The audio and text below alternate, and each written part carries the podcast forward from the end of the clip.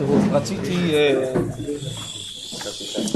לנסות אה, קצת יותר אה, בעומק מה שנצליח להבין זרמים אולי נקרא לזה תת-קרקעיים שנמצאים כאן בכל התקופה הזאת של תחיית ישראל נגיד של לפחות מאה השנים האחרונות זה בעצם אה, שורשיהם נעוצים עוד לפני כן, אולי אפילו הרבה לפני כן.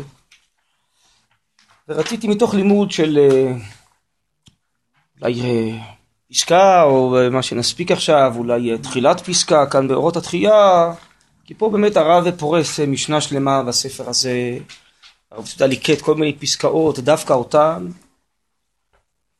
פותחות את עינינו להבין ב... כפי יכולתנו, לפי מדרגתנו, מה מתחולל כאן.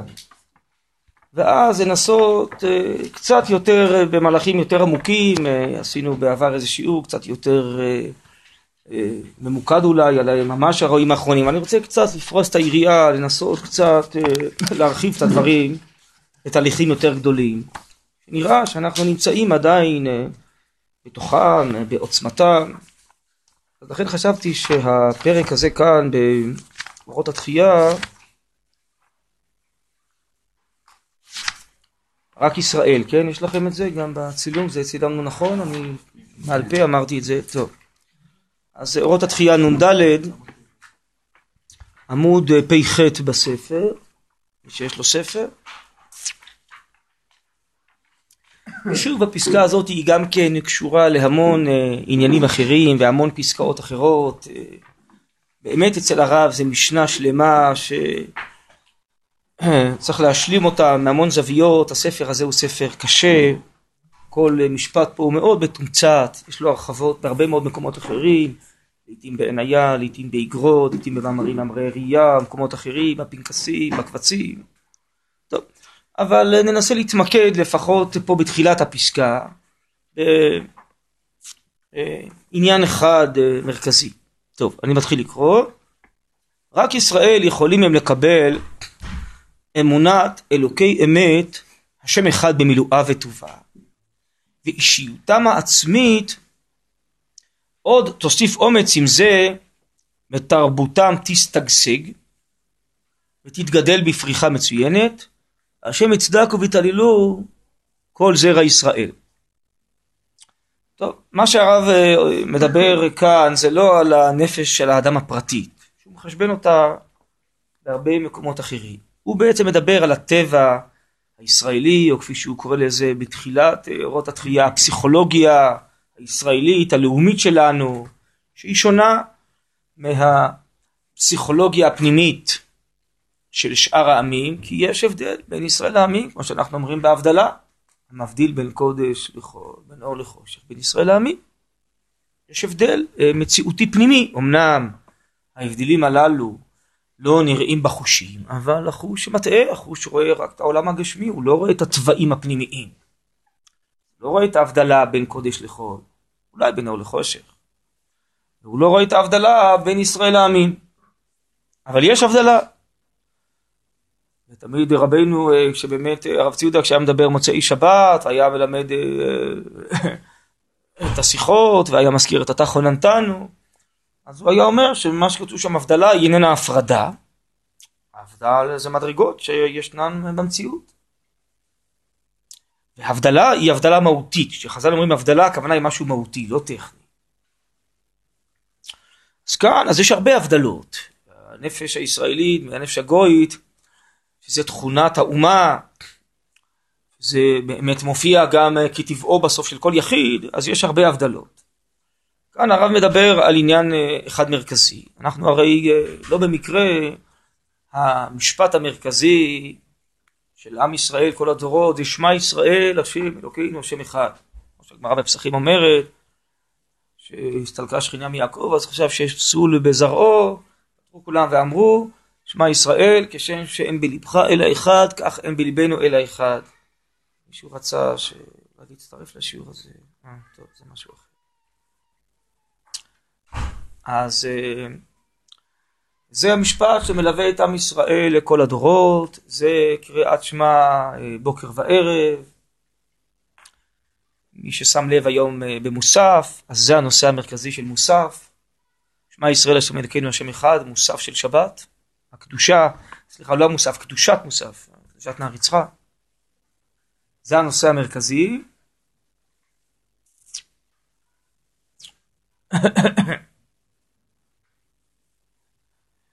שאנחנו בעצם אה, לא רק אה, מאמינים באחדות האלוקית.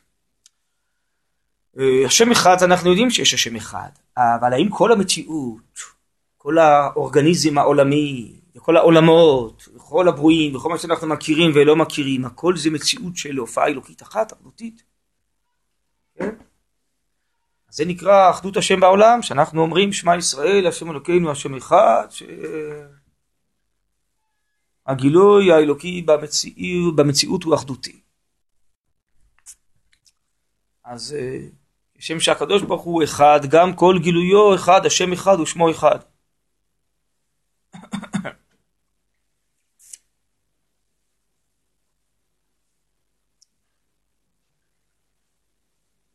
נכון, אז הגמרא בברכות אומרת, רני חמישה ברכי נפשי, שאומרים במזמור קד של תהילים, מה הקדוש ברוך הוא אה, אחד, ככה נשמה היא אחת. מה הוא רואה ואינו נראה, רואה ואינה נראית, מה הוא זן את כל העולם, מזן את כל הגוף, כן? טוב, כמובן, בעיני החוש, בעין החיצונה, אז רואים המון בריאות והפוכות, כי הגוף מפריד, אבל זו הוויה אלוקית אחת, ומה שאנחנו מכירים זה רק איזה נקודה מזערית, שהרי יש כוכבים וגלקסיות ומרחבים ועולמות, אין ספור שאנחנו בכלל לא מכירים, אבל הכל זה אורגניזם אחד, צריך להתרגל לזה, כמו ש... גוף האדם, כמו שנפש האדם, כמו שהאומה, כל העולם וכל ההוויה, הכל זה אורגניזם אחד והכל משפיע על הכל. טוב, אז זה צריך ללמוד הרבה בספרים, להתרומם לזה, להיפתח לזה, ככה לראות את המציאות, ככה לחיות את זה. מה שכאן אומר הרב, שישראל זה טבעם לחיות את האורגניזם הזה. ובישראל גוף ונשמה פועלים יחד, נפש ורוח, קודש וחול, פרט וכלל, אלוקיות ועולמיות, כן? זה אצלנו לא סתירה. ואדרבה, הנה תסתכלו, אולי אנחנו קוראים עכשיו בפרשיות של אה, אבותינו הקדושים, שהיו אה, מרכבה לשכינה, הם אה, גם גדולים, נכון, בצאן, במקנה, בעבודה רבה, בכסף וזהב, והם אנשים אלוקיים של השם מדבר איתם בשפע אלוקי, בקדושה, כן? יפה שיחתם של עבדי אבות, יותר מתורתם של בנים, יש שכינה אופפת אותם, אפילו השיחים הקטנים שיוצאים מהם, אפילו שיחת חודים שלהם, הכל זה הופעה אלוקית, הכל זה יראת שמיים, אמונה וקדושה, הכל זה דבקות אלוקית. הרב בפנקס י"ג אומר שהאבות הייתה להם אמונה ללא סיגים, ללא דמיונות, הכל צח, בהיר, כן, הופעה אלוקית, כוללת, כן, גוף ונשמה, פרט וכלל, עולם ועולמי עולמים, אברהם אבינו יש לו מבט עליון, רוצה להעלות, לתקן כל המציאות, מרגיש אחריות על כולם. באורגניזם השלם, וזה מה שעם ישראל אמור לבנות בארץ ישראל, ממלכת כהנים וגוי קדוש, זה הכל יחד. הדוגמית שהייתה לנו, כמובן השיא שהגענו לזה, זה היה מלכות שלמה, הכל היה יחד. היה שם עושר עצום, גם כלכלי, גם רוחני, חוכמה וקדושה ונבואה. עושר וזהב ועצים וארזים וקופים ותוכים, נכון? שפע אומנויות ושפע של כישרונות, כן? וככה אומר הכוזרי בסוף מאמר שני, שהסנהדרין היו צריכים להיות בקיאים בשורשי כל החוכמות, כי כל החוכמות היו מצויות באומה והיו צריכים אה, מתוך אה, דעת השם הבהירה הגדולה להורות בכל דבר, כי האומה אמורה לחיות את כל המציאות ולהרים את הכולם. אז זה אני חושב מה שכתוב כאן בכלליות שעם ישראל יכול לחיות את אמונת הייחוד יחד בתוכיות כל המציאות עם כל כוחות הגוף והנפש והכישרונות והמערכות גם הלאומיות, כלכלה ותעשייה וצבא ופוליטיקה, מדיניות, הכל מתוך דבקות אלוקית כמו מלכותו של דוד המלך, של שלמה המלך. והכל פורח אצלנו, הכל משגשג. אצל הגויים לרוב בהיסטוריה זה לא עבד ככה. או שאומה נהייתה נורא דתית, ראה ערך הכנסייה הקתולית והכס הקדוש, שאלף שנה הם עצרו את כל ההתפתחות התרבותית, המדעית באירופה, אסור היה להגיד תגלית מדעית, אם לא ברשותו של הכס הקדוש. כן. אתם יודעים הרי המשפט הזה, נכון? הידוע, ואף על פי כן נוע תנוע. מי אמר את זה? למה אמר את זה? זה גלילאו, שגילה שהעולם מסתובב. אבל זה לא מצא חן בעיני הנצרות, בעיני מה שנקרא הכס הקדוש, שזה הכנסייה הקתולית ששלטה אלף שנה באירופה. והם החליטו שצריך לעצור את העולם, העולם אמור לעמוד, זה לא טוב שזה מסתובב. אז הם איימו עליו שאם הוא לא יחזור בו, אז הם יהרגו אותו. טוב, אז הוא חזר בו, פיקוח נפש, לא. חזר בו, אחרי ששחררו אותו, הוא אמר, ואף על פי כן, נוע תנוע. אז ככה זה היה באירופה אלף שנה. אני לא יודע אם אתם יודעים, יש דברים היסטוריים, הרב אה, כותב בהמשך, יש דברים היסטוריים שהם אה, הופעת השם בהיסטוריה. כן, שחשוב לדעת אותם, אה, לא, יודע בדיוק מה היום לומדים בלימודי היסטוריה, אבל לאט לאט בעזרת השם יש לך שואלים אולי מתוך תורה, אפשר גם כן להשכיל השכלות היסטוריות, תמצית חשובה, שרואים את התהליכים האלוקיים, ותהליכים מוסריים, ורוחניים, ותהליכים שקורים בעולם, שקשורים להופעת השם בעולם, כמובן שבמרכזם עומד עם ישראל. אז אה, העולם השתחרר רק אחרי שהייתה מהפכה פרוטסטנטית, והם החליטו לפרש את הספרים שלהם אחרת, ואז בעצם השלטון של הכס הקדוש נחלש, ואז התחילו המהפכות בעולם, מה שנקרא המהפכה הלאומית, הטכנולוגית, המדעית, אז העולם השתחרר בעצם והתחיל להתפתח. טוב. בכל אופן, מה שרציתי להראות בזה, שאצלהם זה לא עובד ביחד, הפסיכולוגיה הציבורית והנפשית והלאומית, זה לא עובד ביחד. ולעיתים עמים שבאמת רוצים להשתחרר מהדת, כמו חלק מעמי אירופה בעקבות המהפכות הללו, אז הם פשוט אה, עוברים לכפירה. ואז ברוך השם יש חופש המדע והטכנולוגיה וההשכלה. אבל להיות עם שהוא, כן, מאמין בשמע ישראל, השם אלוקינו השם אחד. מתוך זה הכל פורח, הכל מקבל כוחות ואידיאלים ומרץ לתיקון, להעלאה, לפיתוחים, לשכלולים, כדי להופיע את השם, כדי לקדש את השם, כדי לשחרר את העולם, כדי להעלות את העולם. זה רק יכולת פסיכולוגית פנימית טבעית של עם ישראל. טוב, אז צריך מאוד להעריך בזה. אני לא רוצה שזה יהיה פה עכשיו מרכז העניינים, כי זה נושאים שהרב מברר במקומות אחרים, גם בספר הזה, גם במקומות אחרים. בסדר? אני רק אה, מסביר את הקביעה פה של הרב, אולי נקרא את זה שוב. רק ישראל יכולים הם לקבל אמונת אלוקי אמת השם אחד במילואה וטובה, ואישיותם העצמית, הכוונה היא העצמית הלאומית, לא תוסיף אומץ עם זה, ותרבותם תשתגשג, כן, תשגשג זה הכוונה, ותתגדל בפריחה מצוינת, והשם יצדקו ויתעללו כל זרע ישראל. אבל הגויים לא באו עדיין לידי מידה זו. עתיד לבוא הם יתחברו לישראל, הם גם יתבשמו מזה, גם הם כן, קצת אה, השתכללו יותר, אבל בינתיים, אומר הרב קוק, אנחנו עוד רחוקים מזה, כי זה לא טבעם העצמי. כיוון שישראל באומות כלב באיברים, כמו שאומר הכוזרי, אז שהלב יהיה פועם בחוזקה, אז הוא יזרים גם איזה יכולות כאלה לשאר האיברים, מה שמתאים אבל למדרגתם של שאר העמים, זה יהיה שונה מישראל, אבל זה חשבון אחר שצריך בלי נדר לעשות. ומה שהוכנסה מאורם של ישראל, אמונה אלוקית בסביבותם. הרב מתכוון בעיקר לנצרות ולאסלאם, שהם לקחו כל מיני ניצוצות מהאמונה. מאור ישראל, הרי הנצרות והאסלאם כידוע הם צמחו אחרי ימי בית שני. שעם ישראל, השכינה הסתלקה מישראל ועם ישראל ירד. כבר לא ראו גילוי השם, כן, ודבר השם לישראל כמו בימי בית ראשון. אז אה, כיוון שכבר התחילה הסתרה האלוקית, ריחוק מהשם, אז אה, התחילו להמציא אמונות ודתות אחרות. אה, א', בשביל לומר לא רק ישראל עם נבחר, גם אנחנו, זה בעצם מה שהנוצרים רצו. אחרי זה האסלאם, לא רק ספר התורה, יש לנו ספרים אחרים. כן, אז בחושך אפשר להמציא, יש אור גדול והשם מדבר עם ישראל, אז מה זה? שרגא ותהיה רמאי מעני, מה אתה תגיד שאפשר אחרת להיות קשור לקדוש ברוך הוא, רואים מים בעין, איך קשורים לקדוש ברוך הוא ומי קשור אליו. כן, אבל הדתות צומחות. אבל כמובן הם בנו את יסודם על יסודות ישראלים, לכן הם גם כן, לפחות האסלאם מאמין באל אחד. הנצרות גם ניסתה להתפאר מזה, אבל בסוף היא הגשימה את האל האחד הזה והפכה אותו לאל, נהייתה אלילית. לפחות הנצרות הקתולית. הרבה יסודות הם לקחו מישראל, על עם נבחר, על משיח, על גאולה.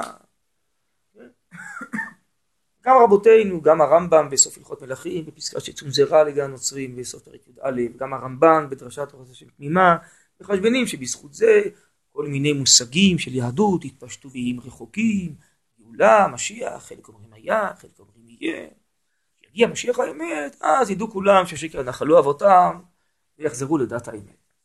טוב, בכל אופן, זה מה שניסו שאר הדתות, להלביש על הנפש הגוי איזה יסודות, ניצוצות מאמונת ישראל, אה, בצורה, בהרכבה שהם המציאו, כן? עוד פעם, ומה שהוכנסה מאורם של ישראל, למאורם של ישראל, האורה, כן, נר מצווה ותורה אור, זה התורה, זה האמונה של ישראל. אמונה אלוקית בסביבותם, שלא בדרך התפתחות הראויה להם לפי טבעם. מהי הדרך של ההתפתחות הראויה? שם ישראל יהיה ברוממותו. שאר הגויים יקיימו שם מצוות בני נוח, כמו שכתב הרמב"ם במלכות מלכים, למה? כי הם יודעים שעם ישראל הוא הלב, הוא צינור המרכזי, ודרך האומה הגיע גם אליהם שבע מצוות בני נוח, והם מתחברים יחד עם ישראל, כמו שאומרים בתפילות, ויעשו כולם אגודה אחת, אומר הרמח"ל, הגויים וישראל, לעבוד את השם. כך יהיה לעתיד לבוא.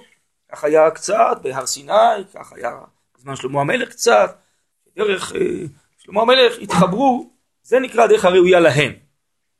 אבל הם רצו כאילו להחליף חס וחלילה את ישראל, תורתם, כן, וכאילו יש להם איזה מהלך עצמאי שלהם. אז אם כן, מה שניסו להכניס, שלא בדרך התפטרות הראויה להם לפי טבעם, נלחמו באישויתם הפרטית ומלכה את תרבותם, שהיא זרה, חיצונה, נוכרית ומגושמת בעצם תכונתה.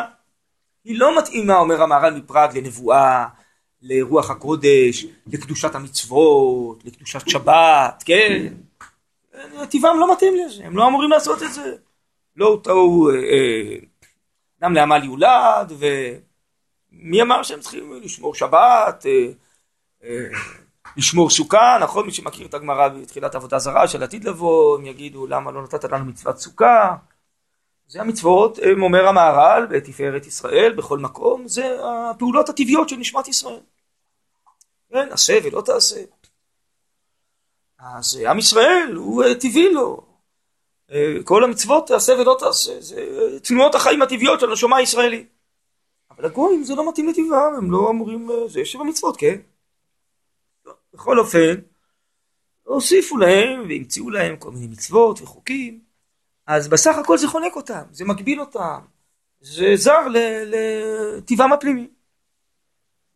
טוב, בכל זאת, הרי כל העולם הוא בהשגחה אלוקית, אמרנו שכל המהלך העולמי, הטבעי, ההיסטורי, זה אורגניזם אחד אלוקי. אמנם יד השם עשתה זאת. על כל פנים, כן, אני ממשיך לקרוא, תרוכך מעט הקליפה הקשה של הזוהמה האנושית.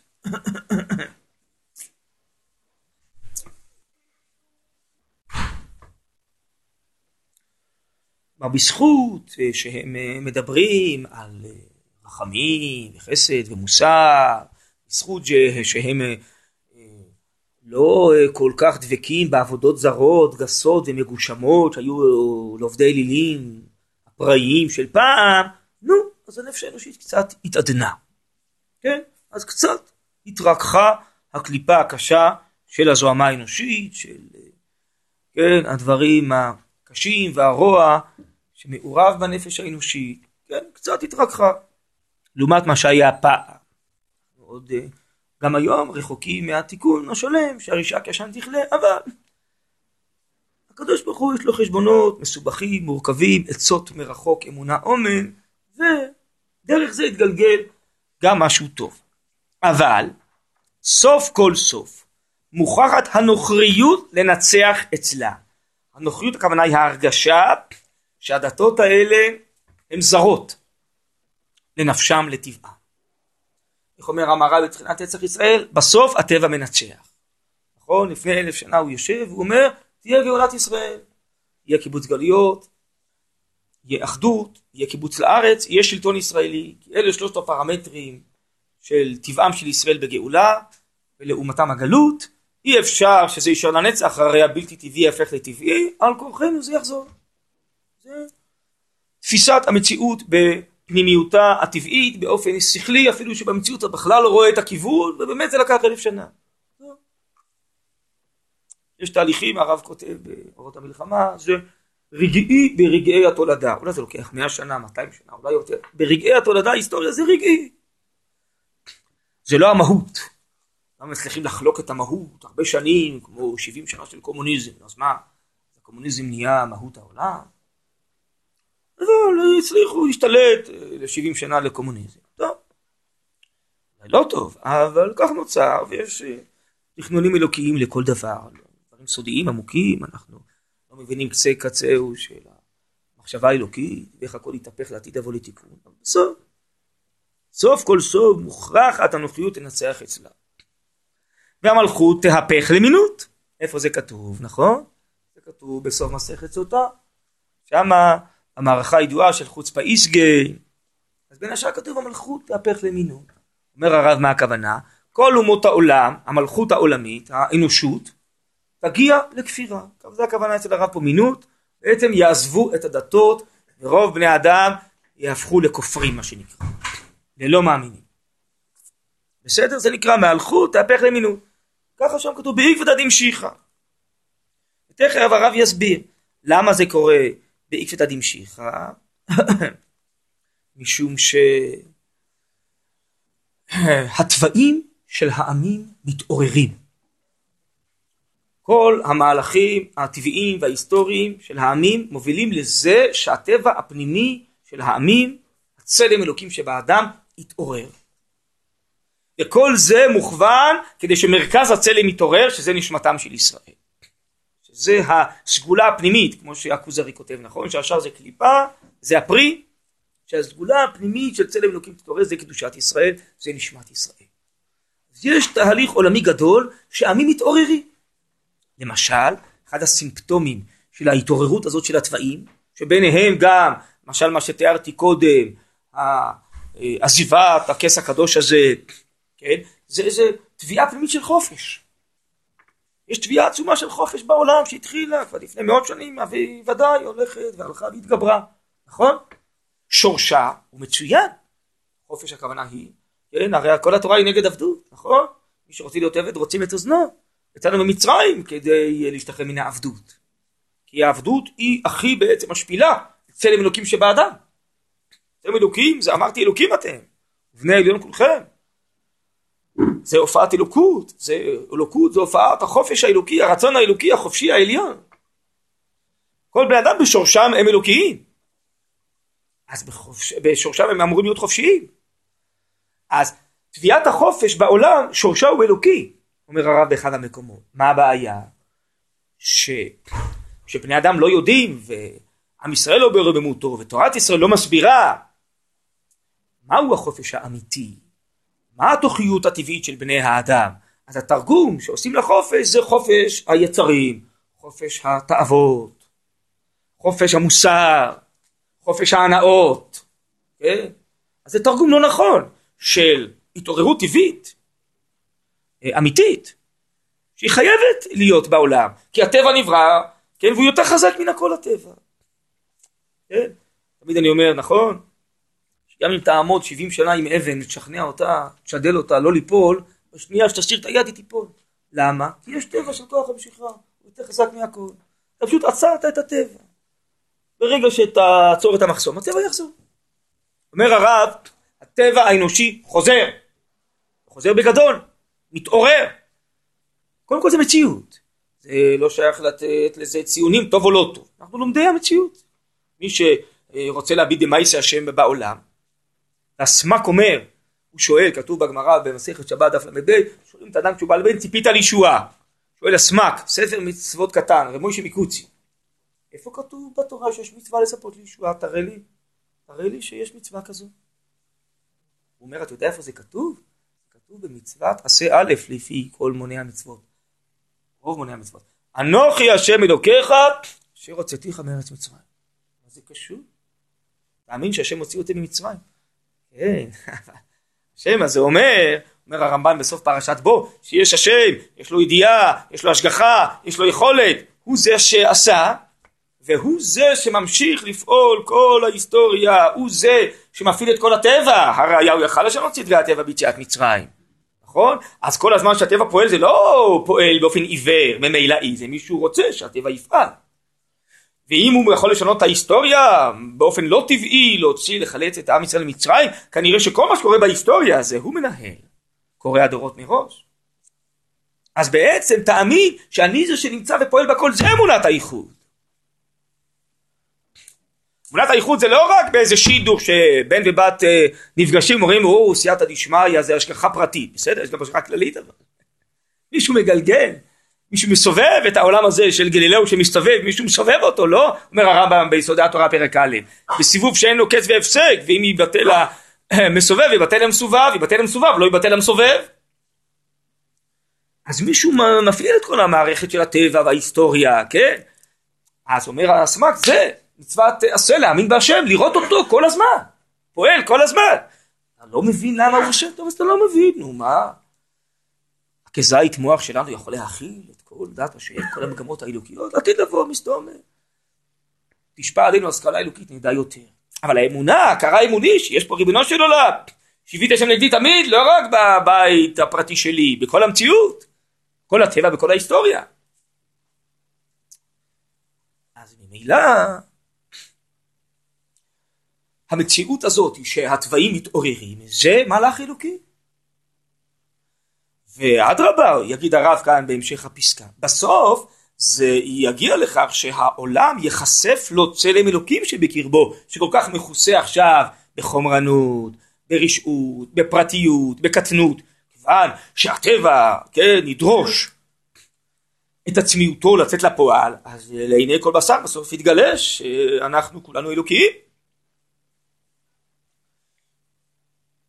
אז אם כן, התעוררות הטבע זה קודם כל מציאות, ב' היא גם מציאות שמקרבת את העולם לגאולתו, שהטבע הפנימי, האמת הפנימית תצא לפועל, ובסוף גם תופיע בהכרה, עיני כל בשר.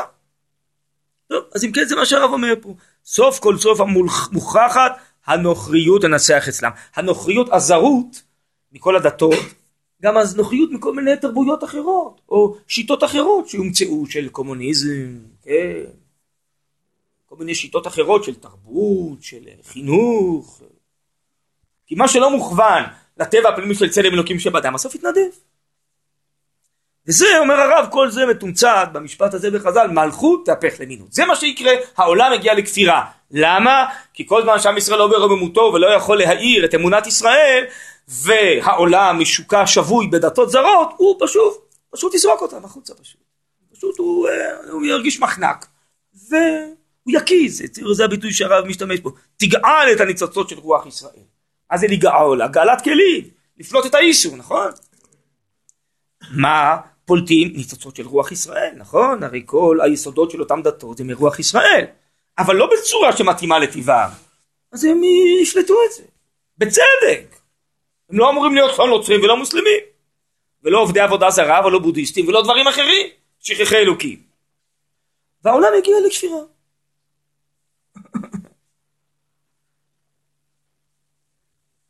ואני חושב שזה מי שכל מי שיש לו עין, נדמה לי שאפילו הזכרתי את זה באיזה שיעור, אז הוא רואה שכל מקום אה, בעולם היום שמגיעה הקדמה, גם מגיעה הכפירה. זה אומר גם על העמים הנוצריים, עמי האסלאם, זה אותו תהליך, רק שהוא קורה בקצב, בצורות שונות במקומות שונים בעולם. מה שהתחיל באירופה עם תנועת ההשכלה ועזיבת הדתות, הוא ממשיך בעצם בכל העולם. כי יש אה, תביעה לחופש, תביעה להשתכללות, להתפתחות. זה לא הולך ביחד, אמרנו אצל הדתות, יחד עם אמונה ועם אה, פולחן דתי. כי נפשם לא מסוגלת להרמוניה הזאת, מה שעם ישראל יכול לחיות אמונת השם אחד ואדרבה לפרוח ולשגשג. אז עם אלה שמגלים את החיים ואת האפשרויות ואת החופש ואת היכולות אז הם עוזבים את הדתות. בייחוד שמרגישים שהדתות האלה הן חולקות אותן, מוסרות אותן. זה תהליך שהרב כבר אה, בעצם ראה את הדבר בשורשו, באמת התחיל כבר לפני זמנו של הרב, והרב אומר זה עוד ימשיך הלאה.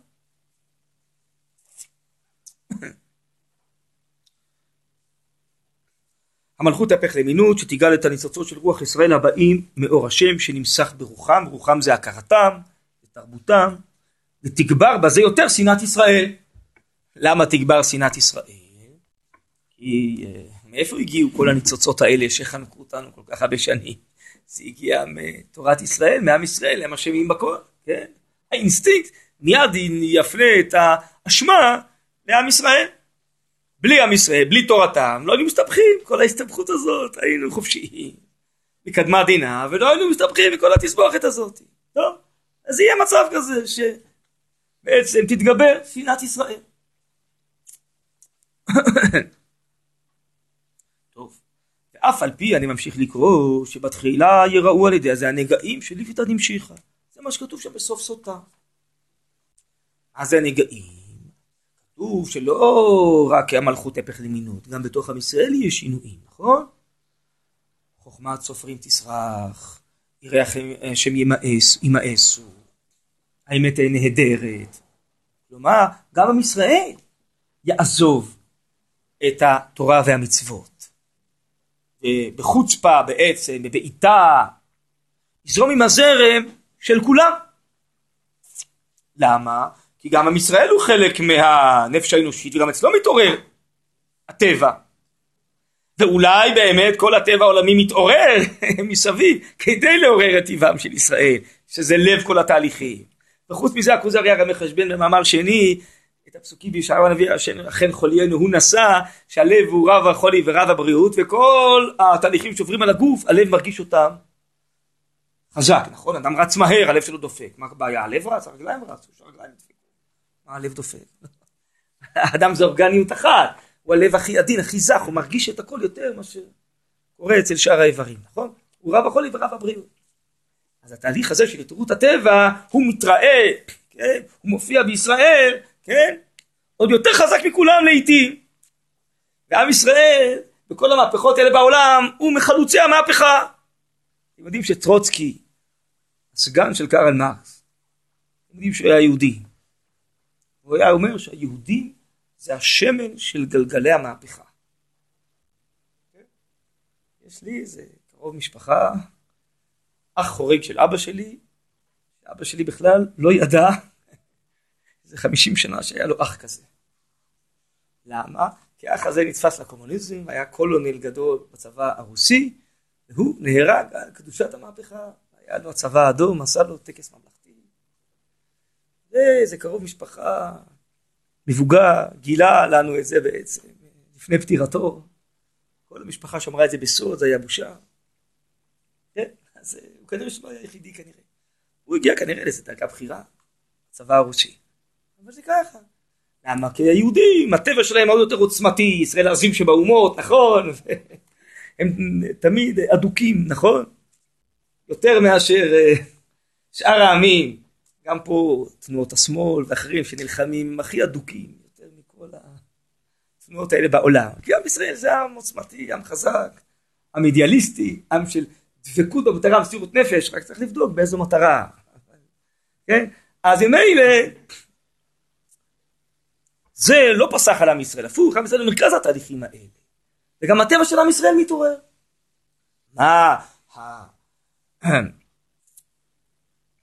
המציאות הכי חזקה של ההתעוררות של הטבע של עם ישראל? שעם ישראל אחרי אלפיים שנה התעורר לחזור לארצו, לא? אלפיים שנה היה כל כך נחמד בגלות. עכשיו נהיה רע אז החליטו לעלות. היה נורא כל האלפיים שנה. גזרות ושמדות ומעשי הצלב ואינקוויזיציה. היה נורא. כן? ואפשר לחשוב שעכשיו התעוררנו, כי עכשיו ארץ ישראל, פה פרסו בשבילנו בארץ ישראל, אה, איך קוראים לזה? שטיחים אדומים. לכבודנו. מה היה פה? שממה, מלאריה, מחלות, ערבים, שודדים, פגעי הטבע. תקראו תלמידי הגר"א מה הם עברו פה. עוד לפני הציונות האחרונה. ועד עכשיו אנחנו רואים מה, איזה שכיינים יש לנו פה. נזקי שכיינים, לא? אתם עכשיו נזקי שכיינים, לא? אלא מה? הטבע הלאומי התעורר, ככה הרב כותב במהלך האידאות אה, פרק ו'. נשמת האומה התעוררה. הקדוש ברוך הוא החליט עכשיו שהיא צריכה להתעורר. היא מרגישה שנרצה עוונה, הגלות זיכרה אותנו אלפיים שנה, הטהרנו טהרה פנימית, אנחנו יכולים לחזור ולבנות עם וארץ ומלכות וחברה, מה שלא היינו מסוגלים, היו מידות כאלה נוראיות ושנאה שפירקה אותנו מבפנים בסוף ימי בית שני, בית ראשון. טוב, נטהרנו מהגלות, נשמעת האומה מרגישה, אנחנו עכשיו יכולים לעלות.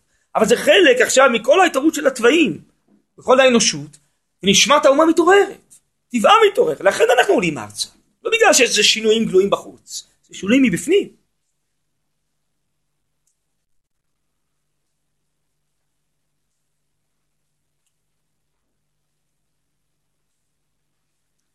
טוב, אז אם כן הטבע מתעורר, אומר כאן הרב, אבל יש עוד השלכות להתעוררות של הטבע.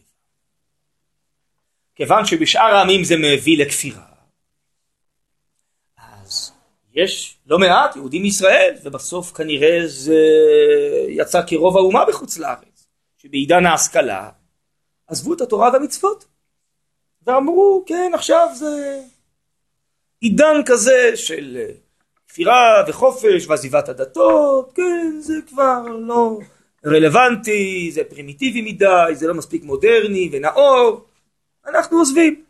אז כמו ששאר העמים עזבו את הדתות שלהם, גם אצלנו, מתוכנו, יהודים עזבו את הדת שלהם, מה שכתוב שם בסוף סוטה. שיראה השם ימאסו והאמת נהדרת, ויעזבו את האמת, את יראת השם, כן? אז אני קורא, הרב מתאר את התהליך הזה כאן במשפטים הבאים. אף על פי שבתחילה יראו על ידי זה הנגעים של עקתת המשיכה, כן? בראשית התהליך הזה. בסוף נגיע לתשובה שלמה, אבל זה חשבון יותר ארוך בסוף הסעיף, לא נראה לי שהיום נגיע לזה. בתחילה יראו הנגעים של עקתת המשיכה, וקטני נפש.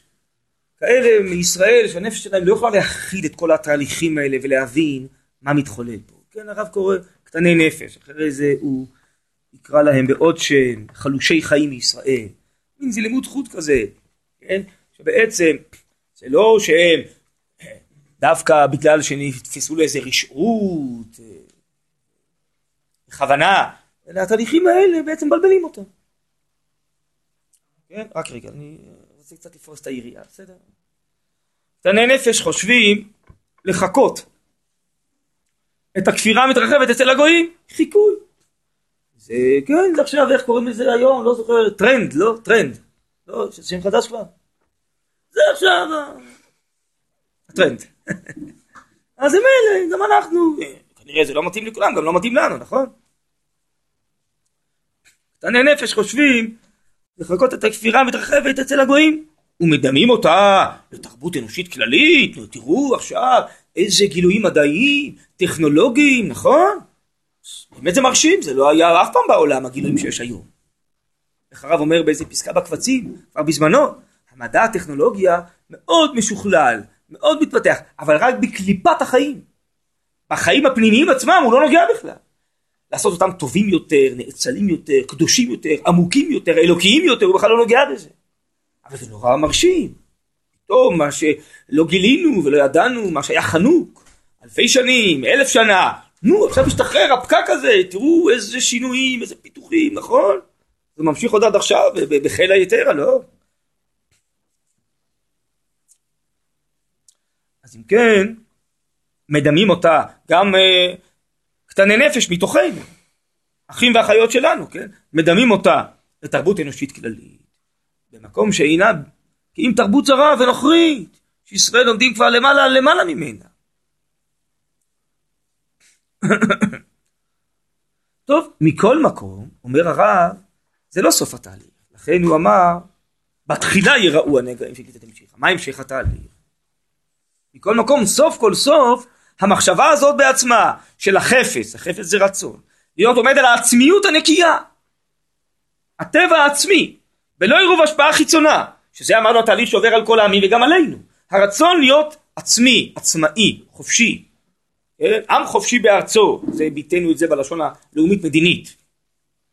אז כל העמים גם רוצים להיות עצמאים תרבותית. הרצון הזה להיות טבעי, להיות אה, נאמן לעצמיות שלי, אני מדלג פה על משפט סוגריים שהוא קצת יסבך אותנו, בסדר? אולי נחזור אליו עוד רגע, אבל אותו רצון עצמי היא בעצמה הכרה זו שיש לעמוד על הנקודה התוכנית המסוגלת, המסגלת לעצמיות, תקרא את ישראל לתשובה. לעשות חיל באלוקים, ולשוב עוד הפעם לגבורה עליונה. לא בחרבם ירשו ארץ וזרועם לא הושע למו, כי מלך וזרועך ופניך כי ירץ ציתם. אתה ומלכי אלוהים צווי ישועות יעקב, בך שרדנו ננגח, בשמך נפוס קמנו. כלומר, התהליך הזה, בהמשכו, בסופו, בסוף, כמו שכתוב בגמרא ביומא, כמו שהרמב"ם כותב, סוף ישראל כולם יעשו תשובה. למה?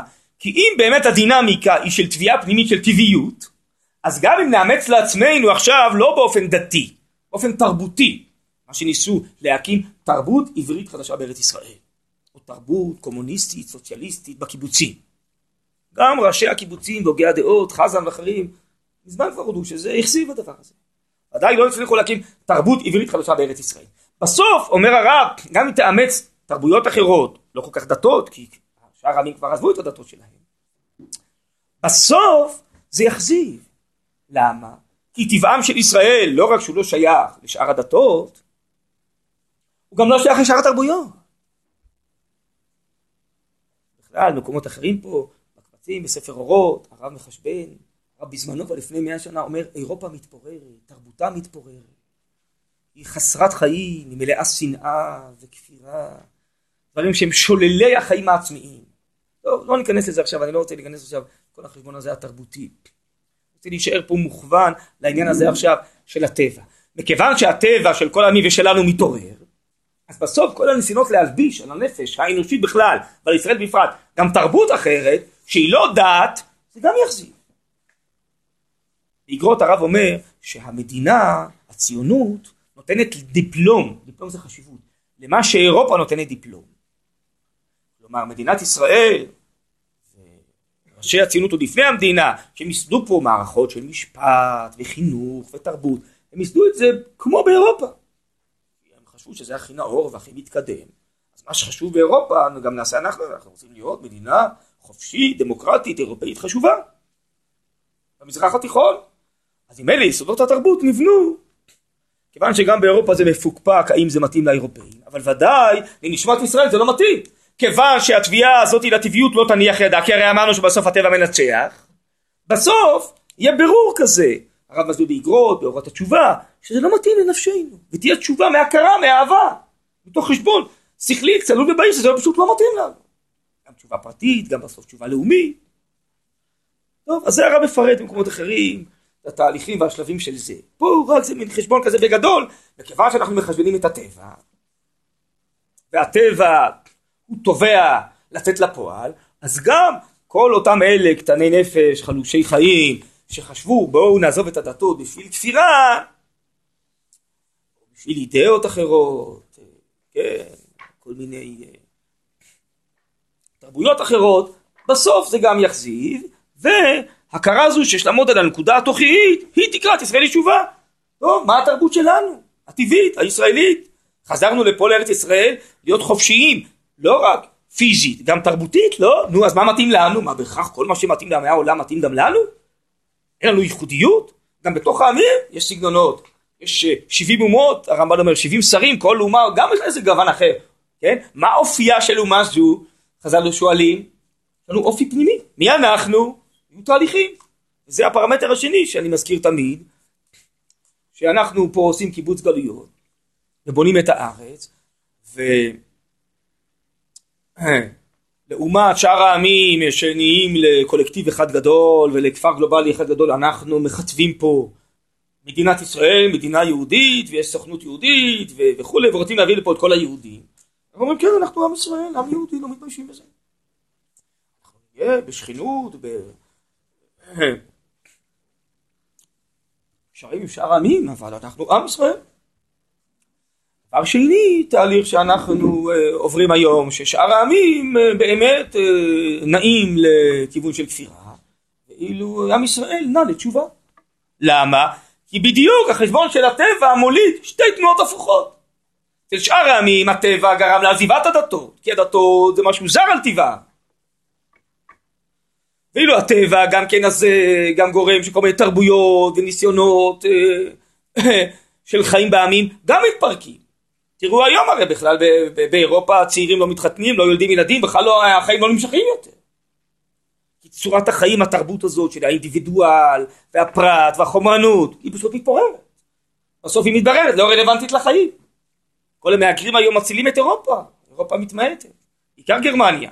אז עכשיו יהיה מהגרים, לפחות תהיה אוכלוסייה חדשה תיכנס. שם יש ילודה פחות מ-1.1. אז החיים בכלל מתפוררים. אז גם שאר התרבויות האלה שהנפש האנושית הלבישה על עצמה, גם היא לא מתאימה להם, היא חונקת את החיים, תראו, אנשים מלאי דיכאון, אתם יודעים כמה מיליארדים של אנשים לוקחים תרופות נגד דיכאון? יום יום. אנשים מיואשים ומתאבדים, אנשים צעירים, מרגישים בדידות, כל מיני מחלות נפש. שזה נגד הטבעיות של החיים, זה ברור, האדם הוא שמח וחברתי וגיבור, לא מפונק וקטנוני, וכל מיני דברים שהם הפך החיים, בקיצור, נגד הטבע.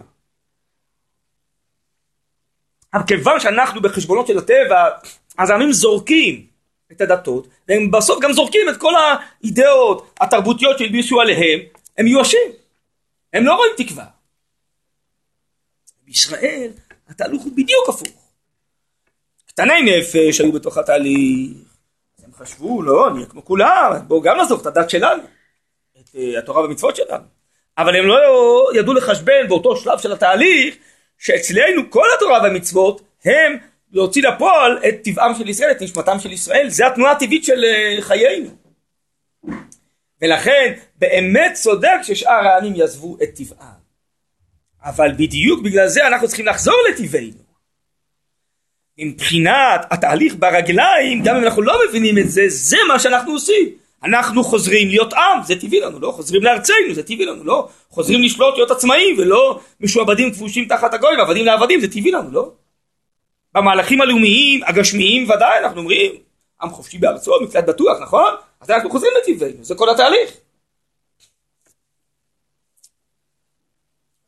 הפוך, אומר הרב בהמשך אה, ספר אורות, אולי להם זה באמת לא כל כך טבעי להיות עם מול עם ולהילחם אחד בשני ולשפוך דמים. משפחה אחת גדולה. באמת אין הבדלה מהותית בינם לעם, יש גוונים. המבדיל זה בין קודש לכל בין ישראל לעמים. בין שאר עמים אין הבדלה כל כך גדולה. הם יהפכו, הרב אומר, לעתיד לבוא למשפחה אחת גדולה. במרכז, כי חלק השם עמו, מקום חבל נחלתו. אז להם מתאים אולי להפך למשהו גלובלי. לנו מתאים להתחתן ולהיות עם, זה בדיוק מה שקורה במציאות. אנחנו חוזרים לטבענו להיות עם, בארצנו עם שלטון, והם הולכים להפכים למשפחה אחת. כי הטבע הוא מנצח. אותו דבר אומר הרב יקרה מבחינה רוחנית. תרבותית, הטבע ינצח, הם יעזבו את הדתות, בסוף גם את התרבויות שלהם, ועם ישראל יחזור לאמונתו, יחזור בתשובה להשם, יחזור לתורה ומצוות, הוא יחזור לטבעו, יחזור לתרבותו האמיתית, שמתרבה מבפנים, של שפע, של בהתחלה רוחניות וקדושה ותורה, וזה ימשיך באשר היינו בתחילת הפסקה, שפע של כלכלה ותעשייה ואומנות ויצירה, הכל מתוך הנשמה הטהורה. הכל באושר של חיים שהתבטל מאיתנו בגלות, אומר הרב. נחזור לזה, לאומנות, ליופי, ליצירה, בית המקדש היה מלא יופי ואומנות, כן? תחיית ישראל מלאה כוחות, מלאה כישרון, אבל הכל יצא מאוצרה של הנשמה, הכל יגלה את הנשמה בגוונים, באומנויות, בכישרונות שונים, כמו בזמן השלמה ויותר מזה. אז בדיוק בגלל חשבון הטבע קורים אצלנו תהליכים הפוכים מאשר אצל הגויים. בעצם זה התהליך המרכזי שקורה כאן. אני חושב שמתוך הבנת התהליך הזה, מתוך המבט הזה, אפשר גם לחשבן חלק מהדברים שאנחנו עוברים בשנים האחרונות, בעשרות שנים האחרונות. לא רוצה להאריך, אז אולי רק במשפטים קצרים ובלי נדר אפשר אולי להמשיך גם את המהלך הזה, גם את הדברים, בהזדמנויות אחרות, אבל קודם כל מה שכבר אה, דיברנו בעבר, שהסיבה שכל הגויים נלחמים בנו, כי באמת הם רואים שאנחנו אה, חוזרים לפה, זה לא חזרה טכנית, זה משהו עוצמתי, מלא חיים, מלא התפתחות, השתדרגות, כל הזמן, גם במובנים גשמיים וגם במובנים רוחניים. הם לא מכירים את זה בתודעה, בתיאולוגיה, הם מכירים את זה באינסטינקט, חשים את זה יותר נכון, באינסטינקט. מלא מאוימים מזה. כי זה ההפוך מהם. זה ודאי ישנה את פני כל המציאות, כל העולם. גם מעשית וגם תרבותית. זה כל הזמן שהם לא יודעים מה זה והם אחוזים בחייהם, בתרבותם, בפחיתות שלהם, הם מאוימים שזה ישתנה. אז ברור שהם מרגישים שיש פה משהו מהותי שונה. אני מסתיר כל הזמן, לא ככה מעניין אותם שאסד טובח בבני עמו מאות אלפי איש. או, ירינו ירייה אחת מדי אלימה למחבל שתקע סכין ולא הצליח, אז אנחנו אלימים מדי. הרי משהו שיגעוני, לא? תראו העולם בכלל, זה גם אה, מלא רשע, מלא רצחנות. אנחנו פה הפושעים הכי גדולים במזרח התיכון. צריכים, אה, אבו מאזן צריך, הערבים צריכים הגנה מפני היהודים, לא? הוא מבקש באו"ם שיגנו על הפלסטינאים, צריך. הכל הפוך, לא? וכולם משתתפים איתו, כן, כן, כן, כן. צודק, נרים לך דגל, נרים לך דגל. באו"ם. אז זה ברור שיש פה משהו, אתה יכול להתעצבן, אבל אה, יש פה משהו. כן? הם חשים שבאמת יש פה משהו אחר, ובאמת לפי החשבון הזה זה צודק, יש פה משהו אחר. כן? יש פה איזה טבע פנימי, עוצמתי, שהוא הולך ועולה כל הזמן. אז זה לא שאני נותן צידוק למה שהם עושים. כי הם שקועים ברשעה שלהם, ובשקרנות שלהם, וברצחנות שלהם. גם הערבים וגם האירופאים, האירופאים עוד יותר מהערבים, הערבים רק עושים את העבודה הבזויה. ראש הנחש, שזה באמת באירופה שנאת ישראל, היותר גדולה זה באירופה. אבל כולם חוברים יחד, לכן, אני חושב שהפסקה הזאת חשובה קצת להבין את התהליך המרכזי פה, לא כך להתפעל, אז זה בסדר, אז עם כל הכאב, יש לנו אבדות ופצועים והרוגים, כל מה שאומרים, לא להיבהל, לא להתייאש, לא לאבד את הראש. בגלל כל הקשיים ובגלל כל האמירות. כן? שבעצם בסופו של דבר מה שעומד מאחורי זה, כן? זה היראה מהטבע הזה שעכשיו הולך ועולה. זה עניין אחד. אבל יש גם תהליך שני שקורה, שגם הוא מופיע בכל מיני צורות. שמנסים בעצם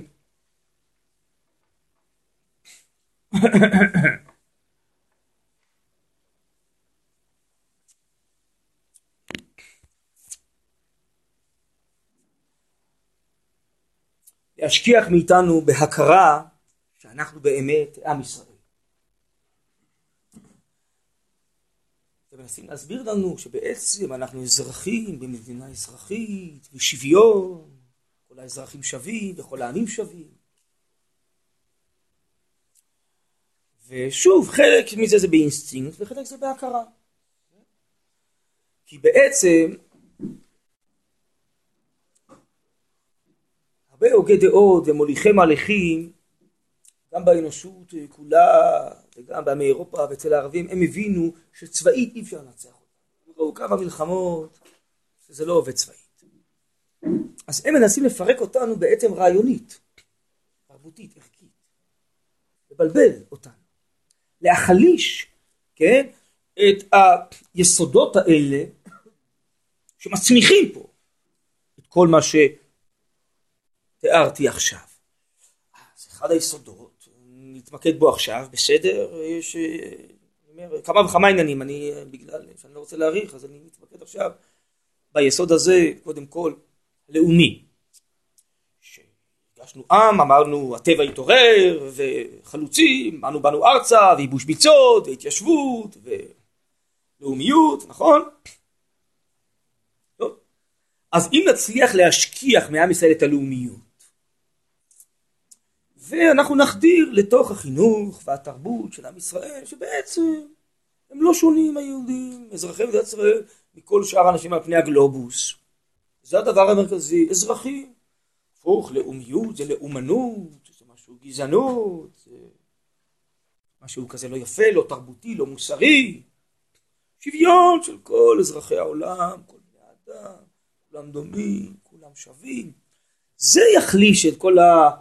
אה, כן, התעצמות הזאת של אה, עם ישראל, אה, לאומיות ישראל, מדינת ישראל.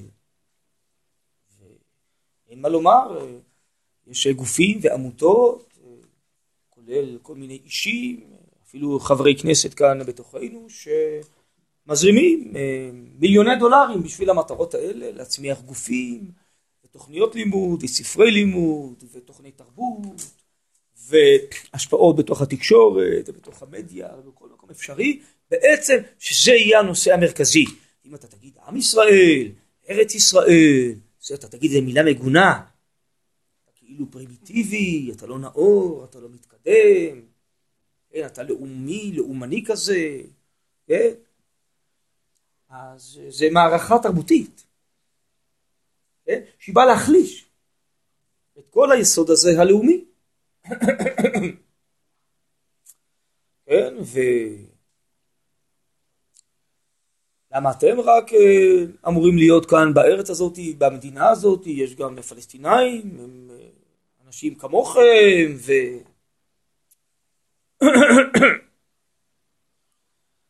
זה מוכוון הכל לפצח את הנקודה הזאת. שאם אי אפשר לפצח את זה צבאית, לפחות אולי תרבותית וערכית. באמת האידאות האלו הם הייתי אומר מכיוון שבכלל הסברתי קודם שמדינת ישראל נבנה, נבנתה ליסודות אירופאים פעם באירופה לאומיות היה חשוב. אבל כיוון ששמה באמת זה הולך ונחלש והאינטלקטואלים והוגי הדרום מדברים עכשיו על משפחה אחת, על גלובליות וכן הלאה, אז גם אצלנו האינטלקטואלים וכן הלאה אומרים לא, ש... אנחנו גם כן חלק מן הגלובוס, חלק מכל המרחב התרבותי, כן, פוסט מודרניזם והכל, תהליכים בינלאומיים במרחב גדול וכן הלאה, כן, מי שממשיך לדבר על עם ישראל, על ארץ ישראל, הוא כזה, זה פרימיטיבי אחד. אז אם כן זה צריך להבין, זה מאבק, אבל זה, זה נקרא, כשהפרוטסטנטים התחילו את המלחמה עם הקתולים, הם קראו לזה מלחמת תרבות, הם את המושג הזה. איך קראו לו שם לארכיבישוף הזה, מרטין ליטר קינג, לא? שהוא היה שם, נכון? אז הוא טבע את המושג הזה, מלחמת תרבות. אז זה אנחנו צריך להבין. אז יש פצצות, כן, יש איראן, יש סכינים, טוב. יש מלחמת תרבות, כל הזמן. זה אנחנו לא מבינים, כי שום דבר לא מתפוצץ מול העיניים. אבל יש בעצם ניסיון כזה תרבותי, אקדמי, באקדמיה זה מופיע כל הזמן. ולכן הצבא צריך להיות בעצימות נמוכה, צריך להבין, מלחמה זה דבר לא מוסרי, יש פה בעצם הרבה עמים, כולם זכאים לחיות, העיקר זה האינדיבידואל הפרטי, האנושות הכללית, כל העניין הזה הלאומי, זה, זה ברוטליות הזאת, זה עם כובש, הכיבוש משחית, זה עם זר, זה אפשר לשמוע את זה כל הזמן, הרי התקשורת מוצפת מזה, מלאה מזה, כל התרבות שלנו מלאה מזה, כל הספרים. כנסו, אל תיכנסו, לחנויות ספרים, כל אלה, סטימצקי וזה, יש שם עמודות שלמות על ארכיאולוגיה, נכון, והיסטוריה, תראו, כל הספרים מלאים מזה. ספר שלא מלא מזה לא נכנס למקומות האלה. כל מה שצריך להיות על הרמה האקדמית וזה, שזה מי שמציג את כל המציאות כזאת כשוות ערך ושוויון וכל העמים ואזרחים. ככה זה היום. אז, ולמה זה ככה? כי באמת העולם עובר תהליכים התהליך בסוף שהטבע של העמים מתברר כטבע מרכזי אחד לעומת טבעם של ישראל, אז העולם הולך להיות משפחה אחת. ועוד תוסיפו לזה שרוצים עכשיו להחליש את טבעם של ישראל, שהלאומיות שלנו היא זאת שמגבירה את זה, תחלש, ואז הגענו למצב הזה. ואז יש בלבלת אחת שלמה וגדולה. בעצם רוצים להשכיח מעם ישראל שיושב בציון, שהוא עם, יש לו ארץ, יש לו מדינה, ראיתם איזה התנגדות שראש ממשלתנו רצה בקדנציה הקודמת שיהיה חוק של חוק הלאום, לאומיות יהודית וזה, לא, מה פתאום. מוכנים שיהיה פה, אה, בטובם הערבים מוכנים שיהיה פה מדינה, אבל רב לאומית. יהיה מדינה פלסטינאית ולצידה מדינה רב לאומית. והאמת השלום יעבור. אז זה מאבק. צריך להבין שאנחנו נמצאים בתוך המאבק הזה שהוא מאבק של תרבות, של רעיונות, של דעות. והמאבק הזה משפיע על הרבה אנשים שבאמת אה, העניין הזה הלאומי נחלש אצלם. ואנחנו מתוך הקודש, ואני פה עכשיו אה, רוצה פה לנוע לסיום, אני לא רוצה להאריך עכשיו, אנחנו יודעים מה מבדיל בין קודש לחול, בין ישראל לעמים. מי שברא את התוואים של העולם ומנהל אותם, הוא יודע להגיד לנו שהתוואים שונים. בין קודש לחול, בין ישראל לעמים. כן, יש טבע פנימי שונה. אנחנו חזרנו לפה כדי שהטבע הפנימי שלנו יצא לפועל.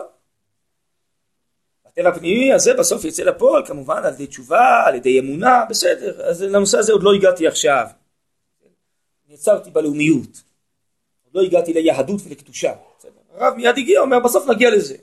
אדוני, לצורך ההשלכה לתקופתנו, אני בעצם ברגע זה נעצר כאן. שהמאבק הוא על הטבע של הלאומיות. האם יש פה עם, יש פה ארץ, יש לנו טבע, אז יש מאבק גדול. והיה פטריוטיות אה, כזאת אה, של הציונות בראשיתה, אבל כיוון שזה היה אינסטינקט כזה רגשי, זה נחלש קצת. נחלש קצת. הרבה יהודים טובים, בניהם הם של אלה שהקימו את המדינה והיו רוויזיוניסטים והיו ליכודניקים, כן כבר היום נהפכו לשמאלנים. עברו למפלגות אחרות, או עם הוגי דעות, באקדמיה, בכל מיני מערכות, הם שמאלנים. כי האינסטינקט הזה בתוך הנשמה של הטבעיות, אם לא משחררים ומפתחים אותו, את הטבע הזה בסוף מתוך תורה ומקורות הקודש, זה נחלש. והרב צפה את זה. הרב צפה את זה בהמון מקומות. והרב אמר שהציונות הזאת תתייבש אם לא נסוף את מקורה האלוקי האמיתי של הקדושה האלוקית שמפעמת בנשמתנו, שהטבע הזה זה טבע אלוקי, שבזה אנחנו שונים מן העמים, וזה המנוע הפנימי של הציונות. הציונות תיחלש. בהקדמה לעץ הדר, לאתרוגים, ראש אמיר שמה, הרב אומר, בין אה, אהבת ארץ ישראל לשנאתה, הרב אומר כמה פסיעות. אוהבי הארץ יהפכו לשונאים שלה. מאמרי הראייה, מאמר לפועל המזרחי, הרב אומר, הציונות תהפך מכוח בונה לכוח מחריב. בתקופתו של הרב להגיד את זה, זה כפירה בעיקר. אתם יודעים מה זה הציונות הזה? הדת. קנאות דתי זה הציונות. אז הכל היה חזק מאוד, מה... מי בכלל דיבר? אנחנו היינו בתקופה פוסט ציונית, היינו בראשית ושיא הציונות. הרב אומר כן, אבל זה רגע ברגעי התולדה, גם זה רגע. אם האינסטינקט הזה, לא נבעיר אותו, נצית אותו, אש תמיד, הוא למזבח, מתוך הנשמה פנימה, זה ייחלש. אז חלק מהאנשים האלה נחלשו, ונהפכו למה שנקרא היום שמאלנים, תנועות שמאל, והם עוזרים לכל מיני אויבים שלנו, אויבים פיזיים ואויבים תרבותיים ורוחניים בעצם לנסות לשנות את המדינה. אבל זה התהליך שקורה פה בעצם. הזכרתי גם בפעם הקודמת שמה שבעצם אה, אפילו בחודש חודשיים האחרונים כן אחרי שכנועים רבים שאנחנו מדינה אזרחית כל האזרחים שווים פתאום הטבע התעורר והתפרץ. התברר שהערבים הם ערבים והיהודים הם יהודים ואם אתה יהודי אתה לא בסדר וראוי שידקרו אותך. כל ילד או ילדה ערבית לוקחים סכין ודוקרים. כולל ערביי ישראל. אז בעצם הטבע הופיע, הטבע מוכרח לנצח. זה מה שאומר פה אנחנו לא נגד ערבים. יכולים לחיות בארץ ישראל, בארץ ישראל גם אנשים ערבים. בכל הדורות היו, ויש בתורה גדרים לזה. יש גר תושב, צדק אם הוא מאמין בהשם, יש כל מיני גדרים לזה. אבל זה לא שהם רוצים לשבת בתוכנו, הם באמת חיו פה הרבה שנים לפני אוסלו ולפני כל החבורת המחבלים הרשעים האלה, ערפאת וחבורתו. אז באמת הם גרו פה אה, גם איתנו, ולפעמים התפרץ להם הרצחנות, אבל אה, בזמנים הטובים שלהם, אז אה, אני, תחילת התיישבות יהודה ושומרון, היו קונים בשכם, ברמאללה, בכל מקום, מפרנסים את הערבים, היו שם יותר בזול. אז זה כאנשים פרטיים, יש מדינת היהודים, יש עם ישראל, בסדר, בכל העם יש אנשים שהם מעם אחר, לא? בסדר, אז הם אזרחים בתוך המדינה, אבל הם מעם אחר. פה הבעיה היא שהם אומרים לא לא לא אנחנו עם אחר והארץ הזאת היא של העם הזה שלנו לא שלכם. אנחנו נסלק אתכם מפה נסלק מפה את השלטון שלכם את הכיבוש שלכם. טוב אז זה כבר נהיה מלחמה. זה עם מולם זה אויב. מלחמה זה מלחמה. זה עם מולם זה בכלל גדרים גם הלכתיים אחרים מוסריים אחרים, זה מלחמה. אז התברר בעצם ברגע של אמת שהתפרץ הטבע, בצדק התפרץ הטבע, שזה המולה. יש עם ישראל ויש כל השאר. אז שוב, גם אחרי זה, אם ירגעו, יגורו פה איתנו, בעצם יבינו שזה ארץ של עם ישראל ויכבדו אותנו. אז uh, יוכלו להישאר פה, אם uh, לא, הם לא יוכלו להיות פה יותר, אני לא יודע איך uh, זה יתפתח בעתיד. הקדוש ברוך הוא ידאג שהם לא יהיו פה אם הם לא יוכלו להירגע ולחיות איתנו. זה מלאכים אלוקיים, אנחנו לא יודעים לעשות אותם ולתכנן אותם, וזה לא בעצם תפקידנו ואחריותנו. אנחנו בונים את עצמנו, בונים את האומה. והפוך, ככל שאנחנו נכיר יותר מי אנחנו ומה אנחנו ולמה אנחנו פה, אז נהיה כל כך אה, בהירים וחזקים בתוך עצמנו, כבר מסע יגיד לעמו, אפשר להניח שזה גם ירגיע אותם, כי הם יבינו, זה מוחלט פה, אין סיכוי, הם ודאים במהלכם, אנחנו יכולים או להצטרף אליהם, או לחיות פה בקרבם, או ללכת מפה, לבחור מה שהם רוצים. אז צריך לשים לב לנקודה הזאת של הטשטוש. אנחנו בעידן תרבותי שמטשטשים את כל ההבדלים. זה צריך לשים לב לזה.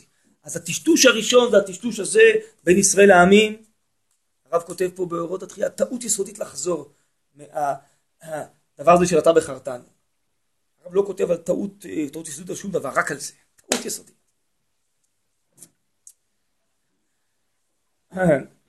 אז אם כן, הטשטוש הזה כאילו השוויון הזה, זה כתוב בירושלמי, כל אנפין שווים, הכל שווה השוויון, היום קצת שוויון, שוויון. זה האידאה כאילו הכי חשובה. למה? כי זה נראה אידאה מאוד כללית, בסדר, בתוך השוויון הזה, הרי יש צבעים, השוויון הזה הוא כל כך גס, הוא כל כך חיצוני ושטחי, אז כולם שווים. צבעים, יש עם ישראל, יש שאר המבדיל בין קודש לכל ישראל העמים. הטבע יותר חזק, הוא ינצח בסוף. אם אתה אומר, שוויון בהזדמנויות, כל אחד יוציא את טיבו לפועל, עם ישראל יוציא את טיבו, הגויים יוציאו את טיבם, בסדר, ואז יתברר שהטבע הוא שונה. אבל לא שבאמת שווים, זה משהו כל כך חיצוני, כל כך גס, זה כמו פה, כולם שווים, כמו הדתות אומרות, כולם נקראים אל הדת, זה מתאים לכולם. בסוף דבר זה לא מתאים לאף אחד. גם זה מתאים למישהו, מי אמר זה מתאים למישהו אחר. או כמו פה, שקטני נפש חולקים, חושבים, אם זה מתאים להם הכפירה, גם לנו זה מתאים. אולי להם זה מתאים, ולכם לא. כי זה נגד טבעם, ואצלכם, התורה ומצוות זה בעד טבעכם. אז צריך לראות מה הטבע אומר, מה מתאים לפנימיות. אבל כל העסקות של שוויון, זה, זה כל כך שטחי, כל כך גס. בסדר? אבל נלחמים בנו בזה, צריך להבין את זה. לכן אנחנו צריכים ללמוד טוב טוב את מקורות הקודש שלנו, מה זה עם ישראל, מה זה המקורות האלוקיים של עם ישראל. אני אומר, אני מרוכז בזה בינתיים. אבל זה פה סוגיה. בזה נלחמים בנו, בזה מבלבלים אותנו, כמו שפה קטני נפש עשו את הדבר המצוות, אז קטני נפש היום עוזבים את הלאומיות בגלל זה. שאר עמים הם גלובליים, משפחה אחת, גם לנו זה מתאים. עזוב את הלאומיות שלנו. זו אותה טעות. למהדורה השנייה. להם זה מתאים כי הם באמת משפחה אחת, הטבע שלהם משותף. לכם זה לא מתאים כי לכם יש טבע שונה, אתם עם ישראל. עם ישראל כתוב, מבדיל בין כל ישראל לעמים. בסדר? אותו חשבון, אותה טעות. מתפשטת עוד יותר, אבל זה אולי נאריך בפעם אחרת. אני רק אה, אומר לכם את הבנתי. זה מתפשט, השוויון הזה על גברים ונשים, כולם אותו דבר. כאילו מה שמתאים לגברים מתאים לנשים, לא יודע למה החליטו, למה הפוך, לא, בעצם זה הכל אותו דבר. כאילו, כל הנשים צריכות להיות גבריות. רציתי לשאול למה לא כל הגברים נשיות, אבל ממילא כל הגברים הם כבר נשים. כולם מתנהגים כמו נשים. זה משהו... זה, זה אותו דבר, זה גס נורא. זה כל כך חיצוני, זה לא מביט פנימה על הטבע. שוויון, כולם אותו דבר, קודם כל גברים ונשים. אם אתה אומר משהו הפוך, אתה פרימיטיבי. נכון? אתה אומר, לא להתפעל מזה, זה הכל אותו דבר. זה חוסר נאמנות והבטה בטבע. בסדר? זה המהלך המרכזי, מה שקורה פה, מה שהרב אומר, זה המהלך המרכזי שקורה. בסדר? אבל עכשיו יש, יש זרמים. חלקם אינסטינקטיביים וחלקם מוכוונים, מוכוונים. כן? הכנסת הבנות לצבא זה אני יודע, אני יודע. זה הנושא של, של הכנסת הבנות לצבא בעצם. בעצם להכניס את כל השוויון הזה. כן? שנשים בדיוק כמו גברים אותו דבר. הצבא זה הרי הכלי הכי חזק שמבטא לאומיות ישראל. אז מזה אנחנו נחליש את העצימות של הצבא. נכנסנו את כל המדינה. כל שוויון, שוויון, זה בדיוק אותו דבר. כן? אז השוויון הזה של גברים ונשים גם יחליף, יחליש בסוף את העצימות הצבאית, את העצימות הלאומית. ויגיד לי שוויון של ישראל וכל העמים. זה אותם אנשים שדוגלים בזה, תמיד הם גם דוגלים בזה. תבדקו, תראו. מי, שדו, מי שאומר מדינה אזרחית ועם ישראל כמו כל הימים, הוא גם אומר שגברים ונשים אותו דבר. זה, זה כמעט מוחלט. בסדר? זה ככה. זה המבט שלו למציאות. או אינסטינקטיבי או מכוון כי הוא רוצה לפרק משהו. וגם בזה נלחמים.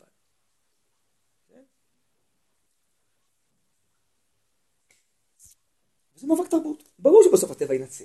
אני רק אומר שצריך להיות מודעים מה קורה פה. רגע, ואם גברים ונשים שווים, אז בעצם למה להקים בית ומשפחה זה גבר ואישה? למה לא גבר עם גבר, אישה עם אישה, הכל שווה, לא? מגיעים לגסות הכי נוראה, הכי מזוהמת, הכי מלוכלכת, הכי שפלה. זה נאור תגידו לי? זה הנאורים של הקדמה, של ההשכלה, לזה הם הגיעו. זה הכי נאור. זה נורא, זה, זה, זה, זה בלבול כזה, זה שטחיות גסה כזאת, זה עיוורון כזה מדהים. זה הולך וחודר גם בתוך הדתיים, הציונות הדתית, כן, דבר לגיטימי, יש כאלה. בסדר, יש אנשים חולים, צריכים עזרה, בסדר. לא, זה לכתחילה, כל אחד בחר מה שהוא בחר. בסדר? הנה, השוויון ממשיך. זה לא עוצר. זה, זה זרם שלם. הוא בא בעצם מנפץ את הטבע. אז הוא מנפץ את זה בלאומיות, בגברים נשים, עכשיו במושג משפחה, אין משפחה יותר. אצלנו משפחה זה פנימיות, זה שכינה ביניהם, משפחה זה קדושה. משפחה זה לא גבר ואישה, הגוף שלהם. משפחה זה שכינה ביניהם, זה נשמה אלוקית. זה ברכה, זה שמחה, זה פרייה ורבייה, זה שפע אלוקי עצום, רוחני, נפשי, עד נשמתי של נשמות חדשות בעולם, זה הכל קדושה. אבל אם אתה לא מביט לטבע פנימה, אז המשפחה אצלך זה סתם שני אנשים, שני גופים מתחכים אחד בשני, אז למה דווקא גבר ואישה? אפשר גם גבר גרשה עם אישה. זה מגיע לאותו דבר. כל הדברים מחוברים. אז זה השוויון, הוא מטשטש כל היום. תדעו לכם, אנחנו בעידן של טשטשת נוראה. וכולם מתבלבלים, גם בתוך הציונות הדתית, גם בתוך הדתיים. הכל מטושטש. הכל. כאילו הכל נהיה לגיטימי. למה אתם חושבים? עושים מצעד הגאווה בירושלים. לא מה לא בתל אביב. עיר הבירה זה בעצם תל אביב, לא, שם זה עיר העסקים, שם עיר הקדמה, לא, עיר אירופאית, לא, מערבית. עיר נאורה, לא. ירושלים חשוכה קצת, לא? אין מה לעשות בלילות, נוסעים בתל אביב, לא? לא.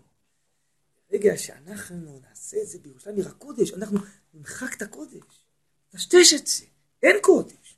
הכל תחת השוויון הזה, דווקא שם. זה לנפץ את קדושת ירושלים. ירושלים אצל רוב העם זה משהו קדוש, נאצל. זה מיוחד, מורם מכל שאר העם והמדינה. שמה נעשה את זה. רגל, גאווה וגסה תרתי משמע. כן? כן? שוב, יש אנשים שזה החשבון שלהם. אני אומר לכם מידיעה, אצל הרבה אנשים זה באינסטינקט. דווקא בירושלים, שמה נבליט את זה.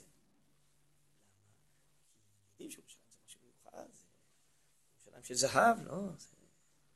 עיר הרים תלול כיין. משהו מיוחד ירושלים. כן? זה ננפץ. זה מהלך שלם של ניפוץ. שחיטת כל הפרות הקדושות קוראים לזה. מהלך, זה מהלך שלם של לוחמה תרבותית. היא לא פחות מסוכנת מלוחמה פיזית, אני חושב שהיא יותר מסוכנת. לפחות בלוחמה פיזית אתה שם לב שיש לך מולך אויב. בסדר. שוב, למה אבל נלחמים? כי כולם מרגישים שפה הטבע הפנימי עולה. והטבע הפנימי הזה, בסוף שורשו, זה בקדושה, זה באלוקיות. כמו ששאר הדתות יודעות שכולן ניצוצות מאור ישראל, נכון? וגוברת שנאת ישראל. אז כולם מבינים שעם ישראל חוזר לארצו ולא לאוגנדה, זה לא סתם, חוזר לארץ התנ"ך, הוא חוזר לארץ השם. ושהוא כובש את ירושלים ועושה אותו עיר בירה, ירושלים היא עיר הקודש, זה לא סתם. וכשבעם ישראל יש מתנחלים וציונות דתית וחזרה בתשובה ודתיים, אז כולם מבינים שהתהליך הזה קשור לאמונה ולקדושה, אם בתיאולוגיה ואם באינסטינקט. אז את זה מנסים לפרק. זה רק מראה לך, אם יש לך כל כך אויבי ערבים, כמה אתה חזק, לא? כמה, יש פה עוצמה.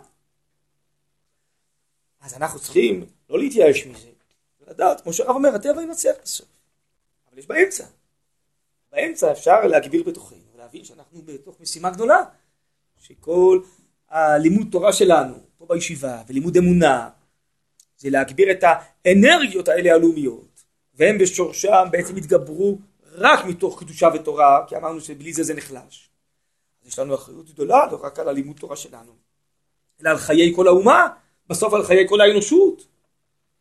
להציל את האומה קודם כל, כן, שהיא תחזור לטבעה ואלוקיותה ותצא לפועל, ואז היא גם תוכל להרים את כל האנושות וכל התרבות, שזה מה שיהיה בעזרת השם בסוף, כמו שכתוב בנביאים ובחז"ל.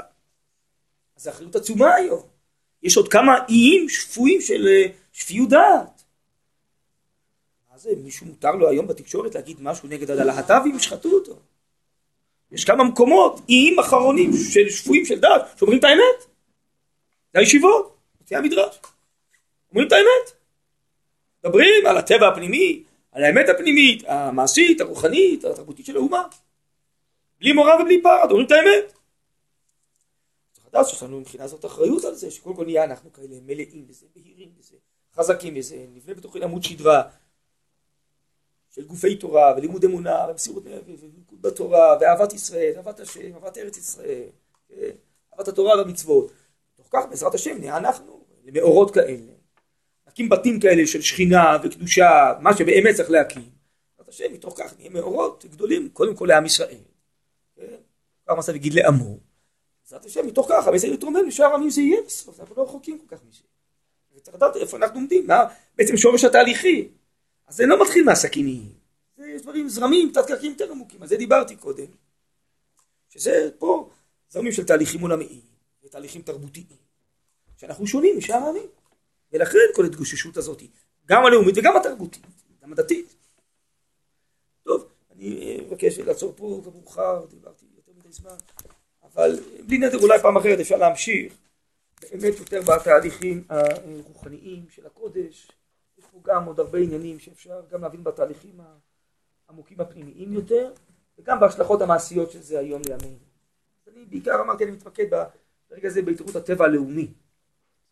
רק הראיתי קצת בדוגמאות פה בסוף שהשוויון הזה הוא בעצם הולך לפרק את הכול. הוא ממש כן, הפוך מהטבע, כן? מהמבט הזה לטבע הפנימי.